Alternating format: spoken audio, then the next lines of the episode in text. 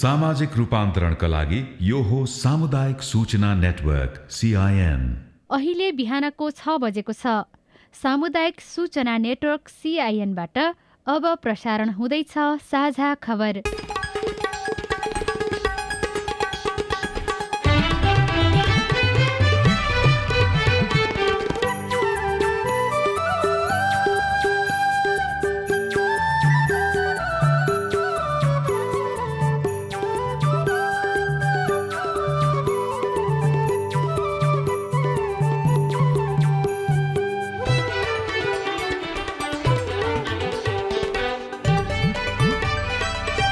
शुभ प्रभात। यो सिआइएनको साझा खबर हो। सजना तिमल सिन्हासँगै लील प्रकाश चन्दको तपाईँलाई स्वागत छ। सामुदायिक रेडियोबाट देशैभरि एकैसाथ प्रसारण भइरहेको साझा खबर सिआइएन खबर डट कम र मोबाइल एप सिआइएनबाट पनि सुन्न सकिन्छ।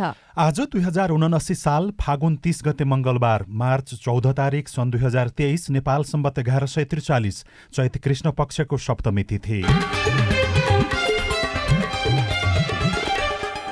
साझा खबरमा प्रमुख खबरका शीर्षकहरू। रासायनिक मलको अनुदानमा भारी कटौती युरियाको मूल्य झण्डै दोब्बर बढ्ने सङ्घीय शिक्षा ऐन ल्याउन गृह कार्यमा सरकार बाध्यकारी श्रम सम्बन्धी एकीकृत कानुन पनि बन्दै। राष्ट्रपति पौडेललाई भारत अमेरिका र चीनको बधाई जसपाका उपराष्ट्रपतिका उम्मेद्वार प्रमिला यादवको उम्मेद्वारी फिर्ता कानुन अभावमा प्रधान न्यायाधीश सिफारिसमा ढिलाइ नेटवर्किङ व्यवसाय फैलिँदै उपभोक्ता भने मारमा आयुर्वेद औषधि उद्योग अनुमति लिएर सञ्चालन नगर्नेलाई सरकारले कारवाही गर्ने सामाजिक सञ्जालबाट हिंसामा पर्नेको सङ्ख्या बढ्दै।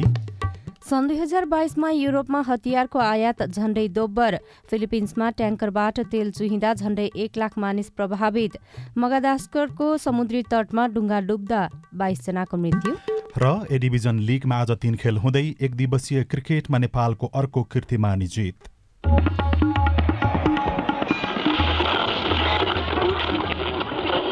सयौं रेडियो।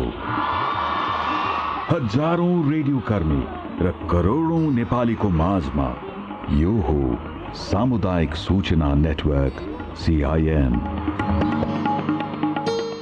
साझा खबरको सबैभन्दा सुरुमा अब युरियाको मूल्य झण्डै दोब्बर बढ्ने प्रसङ्ग। खेती लगाउने समयमा मल उपलब्ध गराउन नसकेको सरकारले किसानलाई थप मारमा पार्ने गरी मलमा दिँदै आएको अनुदान रकममा कटौती गरेको छ। रासायनिक मलको अनुदानमा भारी कटौती गरेपछि किसानले खरिद गर्ने मलको मूल्य बढ्ने भएको हो। अब किसानले प्रति किलो चौध रुपियाँमा पाउँदै आएको रासायनिक मल पच्चिस रुपियाँमा किन्नुपर्ने भएको छ। यस्तै त्रिचालिस रुपियाँ किलोमा पाइने डिएपीको मूल्य पचास रुपियाँ र पोटासको एकतिस रुपियाँबाट बढेर चालिस रुपियाँ प्रति प्रति किलो पुगेको छ। कृषि तथा पशुपन्छी विकास मन्त्रालयले युरिया मलमा पन्ध्र दशमलव छ तीन प्रतिशत डिएपीमा छ दशमलव छ सात प्रतिशत र पोटासमा बाह्र दशमलव एक तीन प्रतिशतले अनुदान रकम घटाएको छ। यसअघि युरिया मलमा अस्सी दशमलव एक एक प्रतिशत डिएपीमा उनासाठी दशमलव शून्य चार प्रतिशत पोटासमा अन्ठाउन्न दशमलव दुई प्रतिशत गरी समग्रमा करिब अस्सी प्रतिशत अनुदान दिँदै आएको थियो। सरकारको पछिल्लो निर्णय अनुसार किसानले पाउने मल अनुदान समग्रमा एघार दशमलव सात छ प्रतिशतले घटेको छ। अब किसानलाई दिने अनुदान रकम युरियामा चौसठी दशमलव चार नौ प्रतिशत डिएपीमा बाहन्न दशमलव तीन आठ प्रतिशत पोटासमा छयालिस दशमलव शून्य नौ प्रतिशत कायम भएको छ। सरकारले दिने अनुदान रकम घटाएपछि किसान भने थप मर्कामा परेको नेपाल कृषक समूह महासंघका अध्यक्ष नवराज बस्नेतले बताउनु भएको छ। अनुदान रकममा भएको कटौतीले व्यवसायिक किसानलाई थप निराश बनाएको उहाँको भनाइ भनाइ छ। अन्तर्राष्ट्रिय मूल्य बढ्दै गएको अमेरिकी डलरको तुलनामा नेपाली मुद्राको विनिमय विनिमय दर घटेको अर्थ मन्त्रालयको बजेट कटौती गर्ने निर्देशनको पालना गर्दै मलमा दिँदै आएको अनुदान घटाएको मन्त्रालयले जनाएको छ। यसअघि सत्तरी दशमलव आठ दुई प्रतिशत अनुदान रहेकोमा अब उनासाठी दशमलव शून्य चार प्रतिशत मात्र अनुदान पाउने मन्त्रालयका प्रवक्ता प्रकाश सञ्जेलले सिआइएनसँग बताउनुभयो। नेपालमा जति मलको माग छ त्यो माग परिपूर्ति गर्नकै लागि बजेटको व्यवस्था हुन सकिरहेको अवस्था छैन। त्यसैलाई सम्बोधन गर्नको लागि प्रारम्भिक रूपमा एउटा भयो भने अर्को चाहिँ अब अनुदानको दर छ। यो अलि हाम्रो अर्थ मन्त्रालय पनि हामीलाई पचास प्रतिशतसम्म सीमित रहन भनेको छ हाम्रो मन्त्रालयलाई। त्यो सुनिश्चित गर्दाखेरि नै। र अहिले हामीले प्रेस विज्ञप्तिमा पनि भन्यौँ अहिले करिब करिब सरदर सत्तरी प्रतिशतभन्दा बढी अनुदान छ रासायनिक मलमा। त्यस कारण अहिले चाहिँ यो अनुदानको दरलाई अथवा प्रतिशतलाई सामान्य समायोजन गरिएको अहिले जुन सत्तरी प्रतिशतभन्दाको हाराहारीमा थियो त्यसलाई उन्साठी प्रतिशतको हाराहारीमा रहने गरी यो छब्बिस गतिको निर्णयअनुसार वितरण व्यवस्थापन समितिको बैठकबाट चाहिँ सचिव स्तरको बैठकबाट यो निर्णय भयो। चालु आर्थिक वर्षको बजेटबाट खरिद गरिने रासायनिक मल नआइपुग्दा विगतका वर्षहरूमा झैं यसपटक पनि मुख्य सिजन धान बालीमा मल अभाव हुने संकेत देखिएको छ। मुख्य बाली धान बालीका लागि नब्बे हजार मेट्रिक टन मल अपुग हुने मन्त्रालयले जनाएको छ। किसानको प्रमुख बाली धान लगाइने समयमा सबैभन्दा बढी मल खपत हुने गर्छ। मन्त्रालयका अनुसार जेठदेखि असोजसम्ममा युरिया मल एक लाख साठी हजार डिएपी नब्बे हजार र पोटास नौ हजार आवश्यक पर्छ जसमा मुख्य गरी धान चिया उखु र तरकारी बालीमा खपत हुने गर्छ। बाध्यकारी श्रम सम्बन्धी एकीकृत कानून निर्माणका लागि सुझाव दिन सरकारले विज्ञ सरकारवाला निकायसँग छलफल गर्ने भएको छ। त्यसका लागि श्रम रोजगार तथा सामाजिक सुरक्षा मन्त्रालयले एघार सदस्यीय समिति बनाउने निर्णय गरेको छ। मन्त्रालयका प्रवक्ता तथा सहसचिव डण्डुराज घिमिरेको संयोजकत्वमा गठित समितिले कानून निर्माणको आवश्यकता र सुधार गर्नुपर्ने पक्षका बारेमा छलफल गर्नेछ। बालश्रम मानव ओसार पसार आधुनिक दासता लगायतका कुरेती हटाउनका लागि कानून निर्माण गर्न लागि मन्त्रालयले जनाएको छ। बाध्यकारी श्रम सम्बन्धी एकीकृत कानून बनेमा राष्ट्रिय तथा अन्तर्राष्ट्रिय रूपमा नै मुलुकलाई फाइदा पुग्ने समितिका संयोजक घिमिरेले सिआइएनसँग बताउनुभयो। खासमा बाध्यकारी श्रम सम्बन्धी चाहिँ कानुन एकीकृत रूपमा चाहिँ अहिलेसम्म आएको रहन्छ। अब बाध्यकारी श्रम आयोगले परिभाषा गरे अनुसार बेचबिखन गर्ने हुन्छ नि। त्यसलाई पनि पर्यो अनि एकदम आधुनिक किसिमको दास्तामा राख्ने प्रक्रियालाई पनि बाध्यकारी श्रम भनेर चाहिँ परिभाषा गरेको छ। कमया निषेध गर्ने ऐन मात्रै आएको छ कि? यसमध्ये एउटा फर्ममा मात्रै आएको छ। त्यसलाई चाहिँ हामीले एकीकृत कानुनको रूपमा चाहिँ चाइल्ड लेभललाई पनि निषेध गर्ने। मानव ओसार पसारदेखि लिएर बालश्रम निषेध गर्ने ऐन पनि छ। अब ती कुराहरूले चाहिँ कतिसम्म कभर अप गर्न सक्छन्? टेक्निकल आँखाले हेर्ने कुराहरू चाहिँ आफूभित्र छ। त्यो कुरालाई चाहिँ हामीले विशेषज्ञ सहायता लिनका लागि हामी लागिरहेका छौँ। यो पनि यो मन्त्रालयको एउटा सुधारको अभियान अन्तर्गत आउन लागेको कानुन हो। त्यो भयो भने नेपालको सन्दर्भमा नेपालमा बसोबास गर्ने नागरिकले मात्रै त्यसबाट लाभ लिने हो कि? वैदेशिक रोजगारीको क्रममा दुःख पायो अथवा अलपत्र पर्यो भने पनि उसलाई उद्धार गर्न काम गर्छ भन्ने चाहिँ वास्तविकता चाहिँ के हो? लेबर माइग्रेसनमा चाहिँ जानुभएका साथीहरूको चाहिँ सन्दर्भमा उहाँ मन कन्ट्रीमा गएपछि अरूको फिजिकल कन्ट्रीमा पुगेपछि चाहिँ मलाई के लाग्छ भने उहाँकै कानुन हाइलाइट हुन्छ। के मात्रै पनि हो भने हामीले दरो कानुन बनाउन सक्यौँ भन्दाखेरि हामीले पनि हाम्रो कानुनले यसो भन्छ। तपाईँहरूले चाहिँ यसो गर्न पाइएन भन्दा चाहिँ हामीले भन्न सक्छौँ। बाध्यकारी श्रम सम्बन्धी एकीकृत कानून निर्माणमा सुझाव तथा परामर्शका लागि गठित समितिमा कानून महिला तथा बालबालिका श्रम मन्त्रालय लगायतका मन्त्रालय र सरोकारवाला निकायका प्रतिनिधिहरू रहनेछन्। यसैबीच प्रधानमन्त्री पुष्पकमल दाहाल प्रचण्डले संघीय शिक्षा ऐन तर्जुमाका लागि सरकारले गृह कार्य गरिरहेको दावी गर्नुभएको छ। प्रधानमन्त्री प्रचण्डले हिजो काठमाडौँमा आयोजित एउटा कार्यक्रममा ऐनको विधेयक छिट्टै संसदमा पेश हुने बताउनुभयो।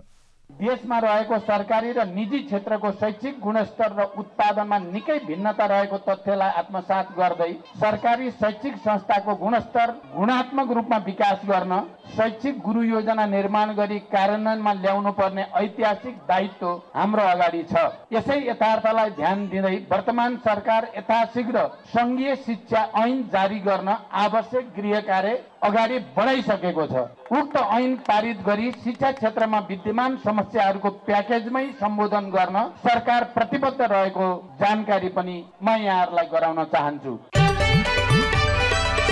राष्ट्रपति रामचन्द्र पौडेलले संघीय लोकतान्त्रिक गणतन्त्रको चौथो राष्ट्रपतिका रूपमा पद तथा गोपनीयताको शपथ ग्रहण गर्नुभएको छ। उहाँ फागुन पच्चिस गते राष्ट्रपति पदमा निर्वाचित हुनुभएको हो।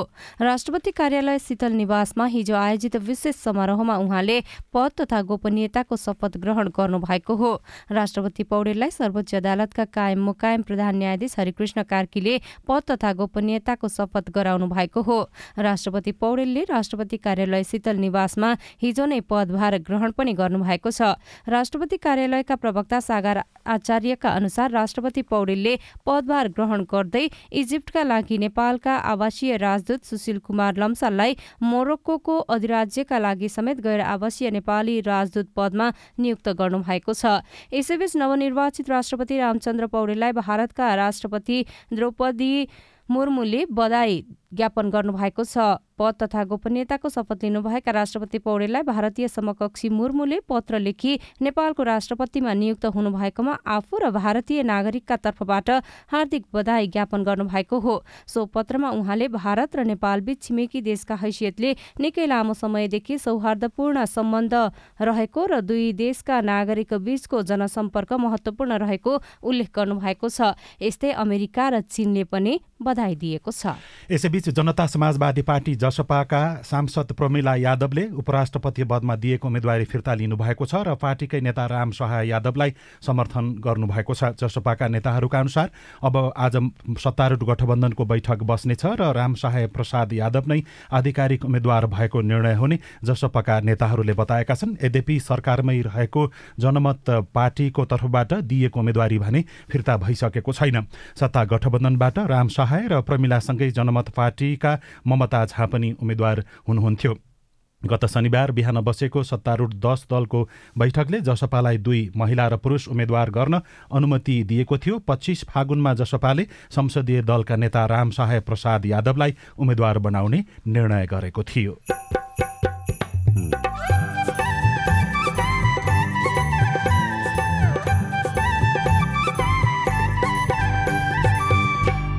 सामुदायिक सूचना नेटवर्क सिआइएन मार्फत देशभरि प्रसारण भइरहेको साझा खबरमा अनलाइन हिंसाका उजुरी बढ्दै फेसबुक र म्यासेन्जरबाट सबैभन्दा बढी। धेरै ठाउँमा यस्ता सामाजिक सञ्जालले गर्दाखेरि समाजमा पनि बस्न नसक्ने अवस्थाले गर्दाखेरि उहाँहरू डिप्रेसनमा धेरै परिराख्नु भएको छ।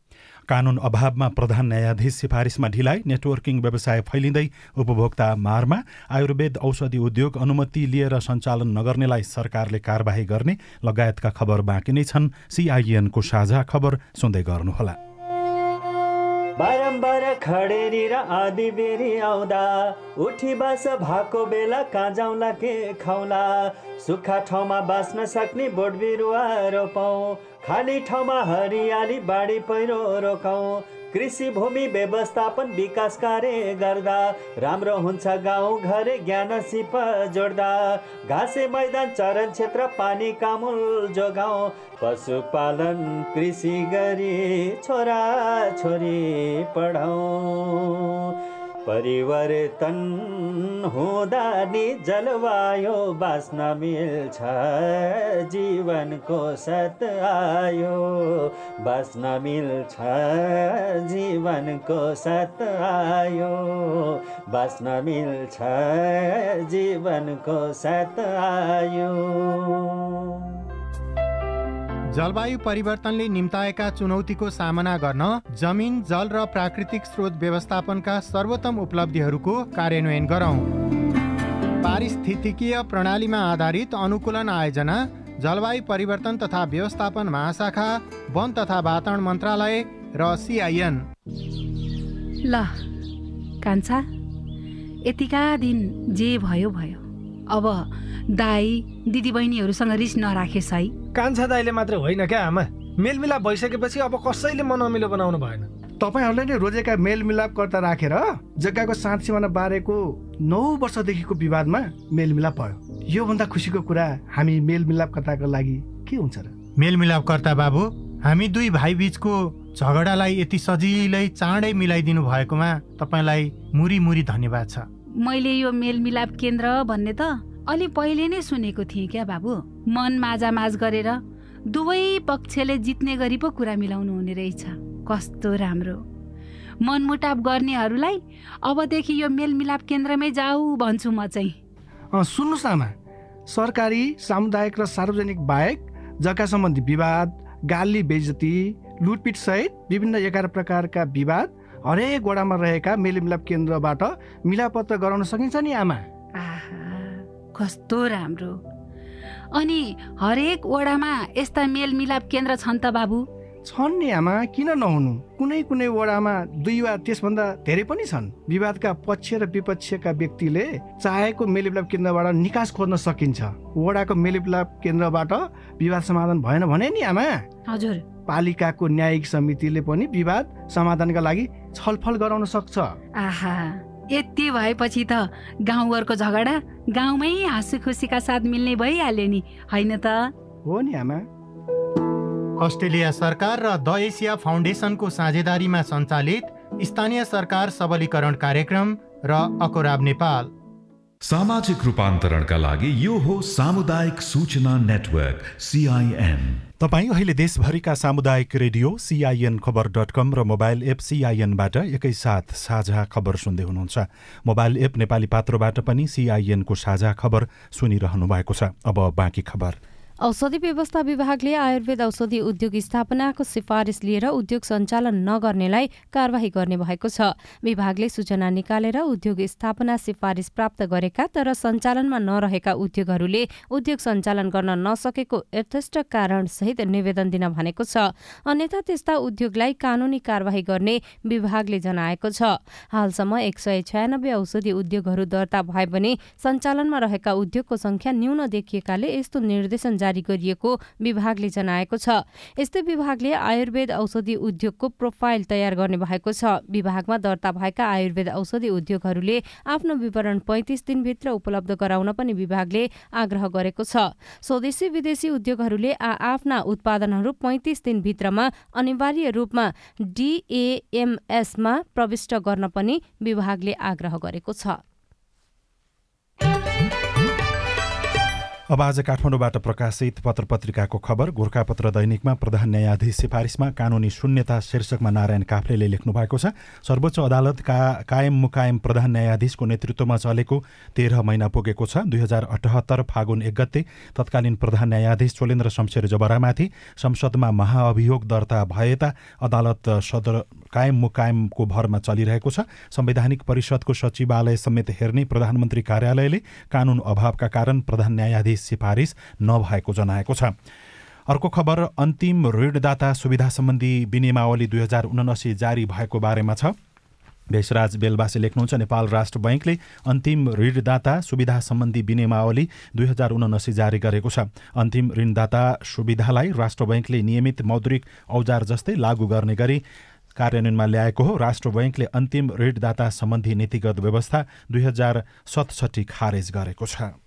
यस्तै कान्तिपुर दैनिकको पहिलो पृष्ठमा थचक्क भए त्रिविका अनुसन्धान केन्द्र शीर्षकमा सुदीप कैनीले खबर लेख्नु भएको छ। त्रिभुवन विश्वविद्यालय किर्तिपुरको घडी घर छेउ एउटा थोत्रो मिनी बस छ। स्टेरिङमा खिया देखिन्छ। सिटहरू धुलोले छोपिएका छन्। बसको बाहिरी भाग केरमेट गरिएको छ। चारवटै पाङ्राको हावा खुस्केर बस थचक्क छ। आर्थिक विकास तथा प्रशासन अनुसन्धान केन्द्र सेडाको यो बसलाई कुनै समय अनुसन्धानकर्ता ओसार पसार गर्न भ्याइ नभ्याइ हुन्थ्यो। आर्थिक विकास तथा प्रशासन केन्द्र सेडाको बस जस्तै त्रिविका चारै अनुसन्धान केन्द्रको स्टेरिङमा खिया लागेको छ सिट धुलोले छोपिएका छन्। योजना केरमेट गरिएको छ पाङ्राका हावा खुस्किएको छ। यस्तै कान्तिपुर दैनिककै भित्री पृष्ठमा फैलिँदै नेटवर्किङ फन्दामा उपभोक्ता अनदेखा गर्दै सरकार शीर्षकमा खबर छापिएको छ। वाणिज्य विभागमा दर्ता हुनेको संख्या सोह्र पुगेको छ। थप चार कम्पनीको आवेदन परेको छ भने निर्देशन मात्रै दिएर पन्सिँदै वाणिज्य भनेर खबरमा उल्लेख गरिएको छ। नयाँ पत्रिका दैनिकमा एक सय बयालिस संस्थामा सरकारको सात खर्ब एकतिस अर्ब छप्पन्न करोड लगानी भएको खबर छ। भाका नाघेको ऋण र ब्याज मात्रै एक खर्ब आठ अर्ब पुगेको छ। लगानीको स्पष्ट नीति नहुँदा स्रोतको सदुपयोग नहुने मात्रै होइन। सरकारले ब्याज र लाभांशको लाभ पनि लिन नसकेको खबरमा उल्लेख गरिएको छ। मानव अधिकार आयोगले सिडिओ र जिल्ला प्रहरी प्रमुखसँग गर्यो सोधपुछ शीर्षकमा लहानबाट मणिलाल विश्वकर्माले लेख्नु भएको छ मृत्यु संस्कारको भोजमा जातीय क्लस्टर अनुसार प्लेकार्ड र ब्यानर राखेर जातीय छुवाछुत गरिएको घटनामा संलग्नलाई कारवाही गर्न चौतर्फी दबाव परेपछि जिल्ला प्रशासन कार्यालय सिराहाले तीन सदस्यीय छानबिन समिति गठन गरेको छ। भगवानपुर घटनाको छानबिन गर्न समिति गठन गरिएको हो।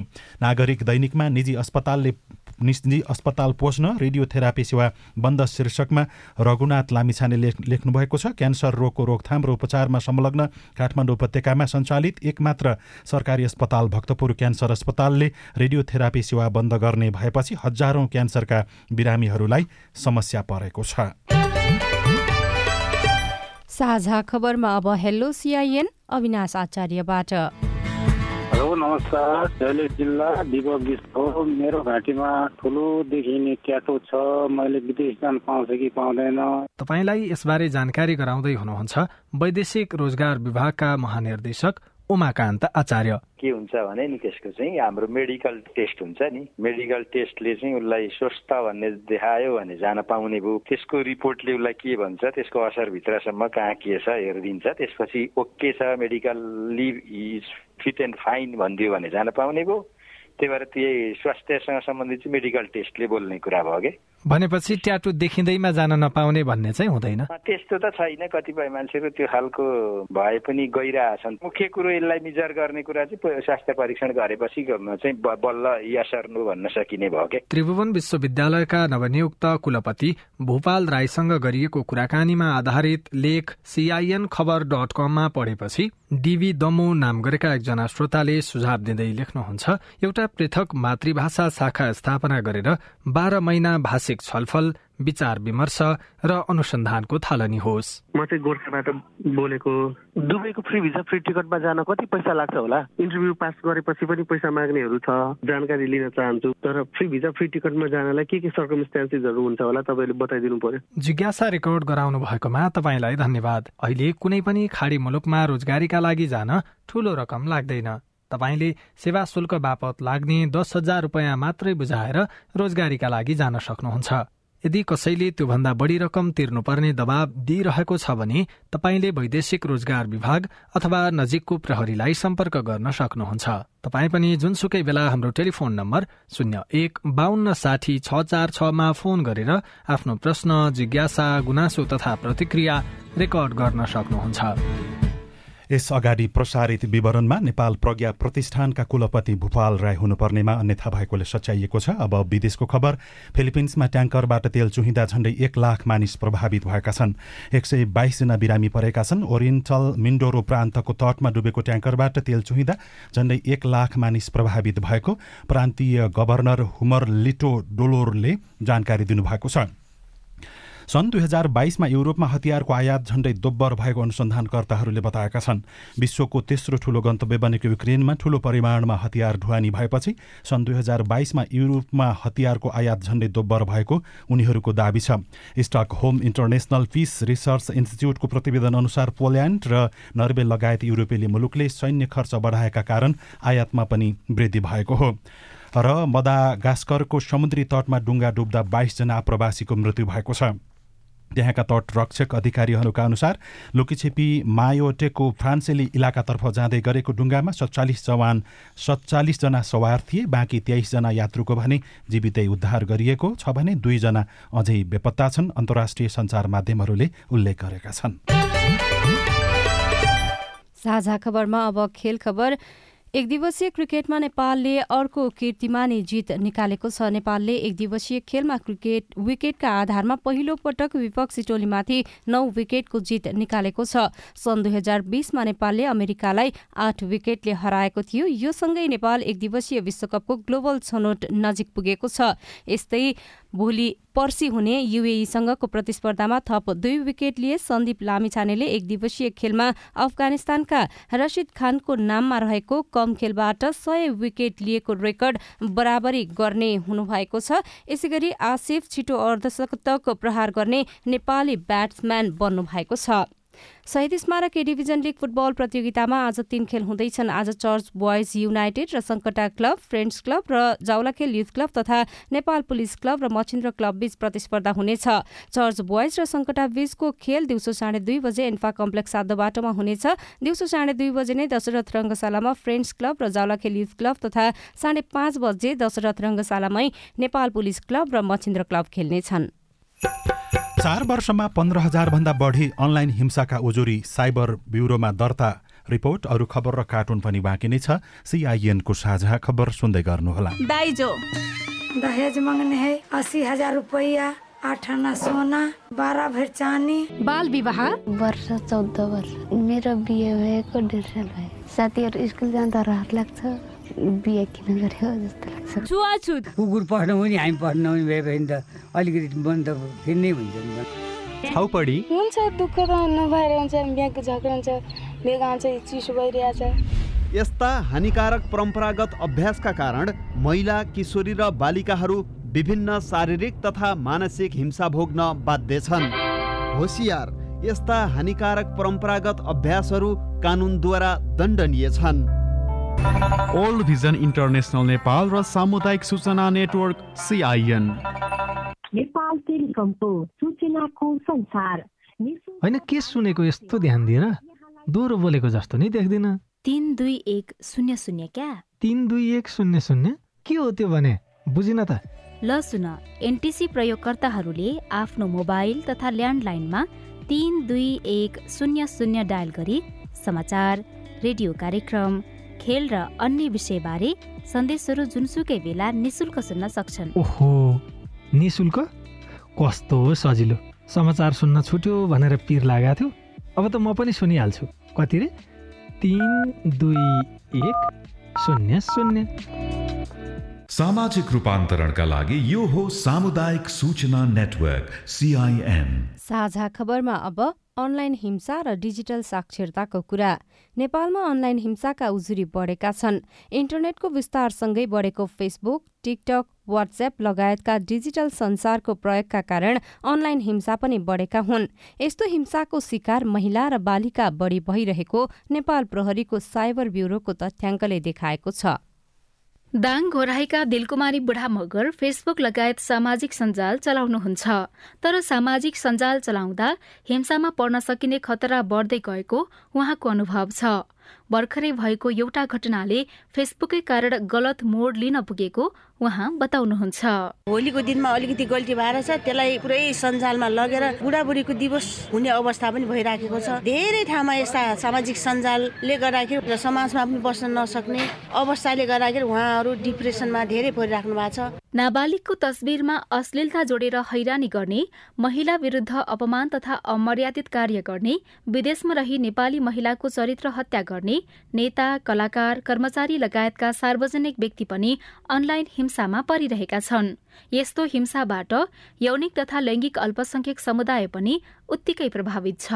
अधिकार Preeti Peter Rai. Online bullying हुने डिस्क्रिमिनेसन्स हुने विभिन्न मिस डिसइन्फर्मेसन्सहरू विभिन्न सोसियल मिडियामा चाहिँ एक्टिभ छ त्यो ग्रुपहरू भनेदेखि अर्कोदेखि चाहिँ कम्युनिटीलाई नै पर्सनली आक्षेप लगाउने कुराहरू होइन? उहाँहरूको चाहिँ बुली गर्ने वर्ड्सहरू युज गर्ने चाहिँ धेरै देखिन्छ जसले गर्दा चाहिँ कम्युनिटीलाई अझ सोसाइटीमा चाहिँ नेगेटिभ वेमा पोट्रे भइरहेको चाहिँ देख्छु म। साइबर ब्युरोका अनुसार विभिन्न नग्न तस्बिरमा व्यक्तिको मुहार जोड्ने अश्लील फोटो र भिडियो पोस्ट गर्ने जानकारी नियन्त्रणमा लिई फिरौती माग्ने अन्य व्यक्तिको नाममा नयाँ खाता खोलेर बेइज्जत गर्ने र दुःख दिने कार्यालय तथा संघ संस्थाको वेबसाइट ह्याक गर्ने क्रम बढेको छ।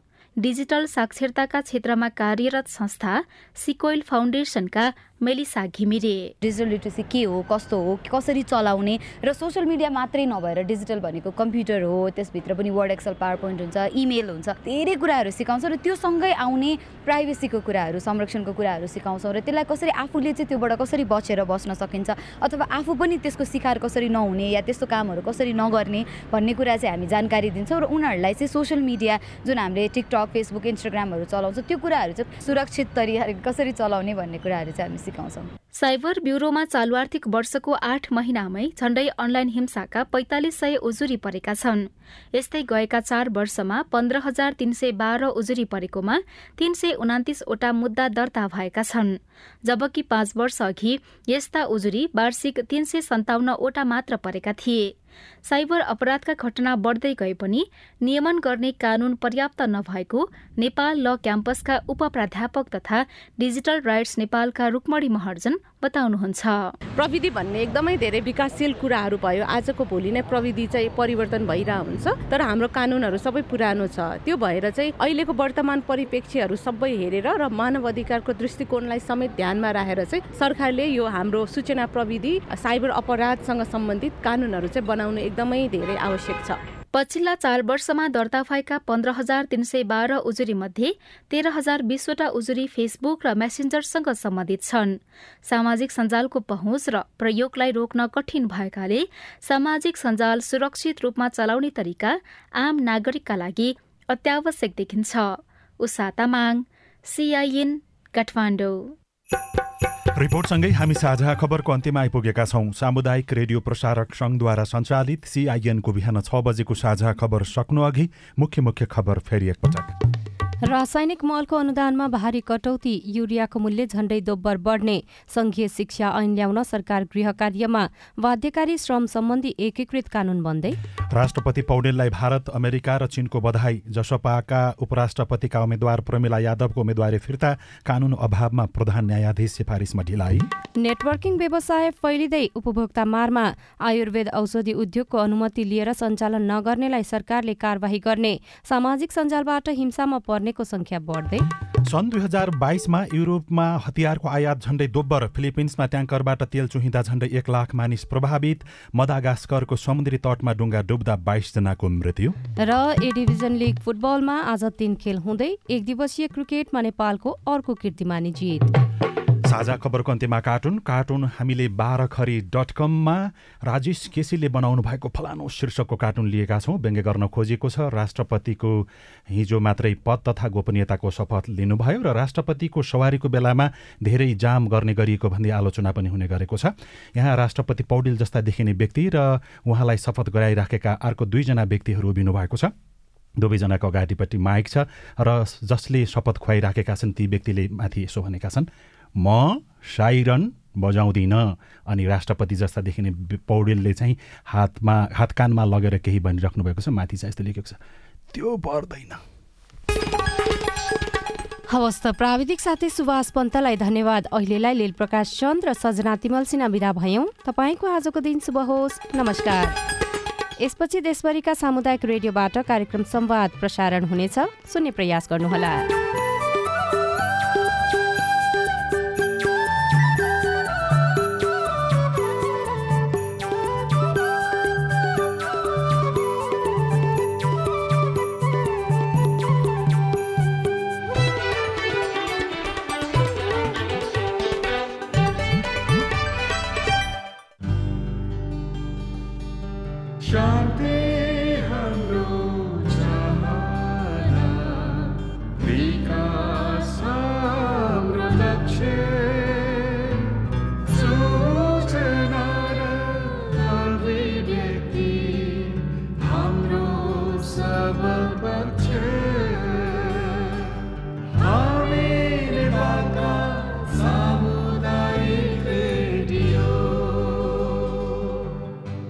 सामाजिक रूपान्तरणका लागि यो हो सामुदायिक सूचना नेटवर्क सिआइएन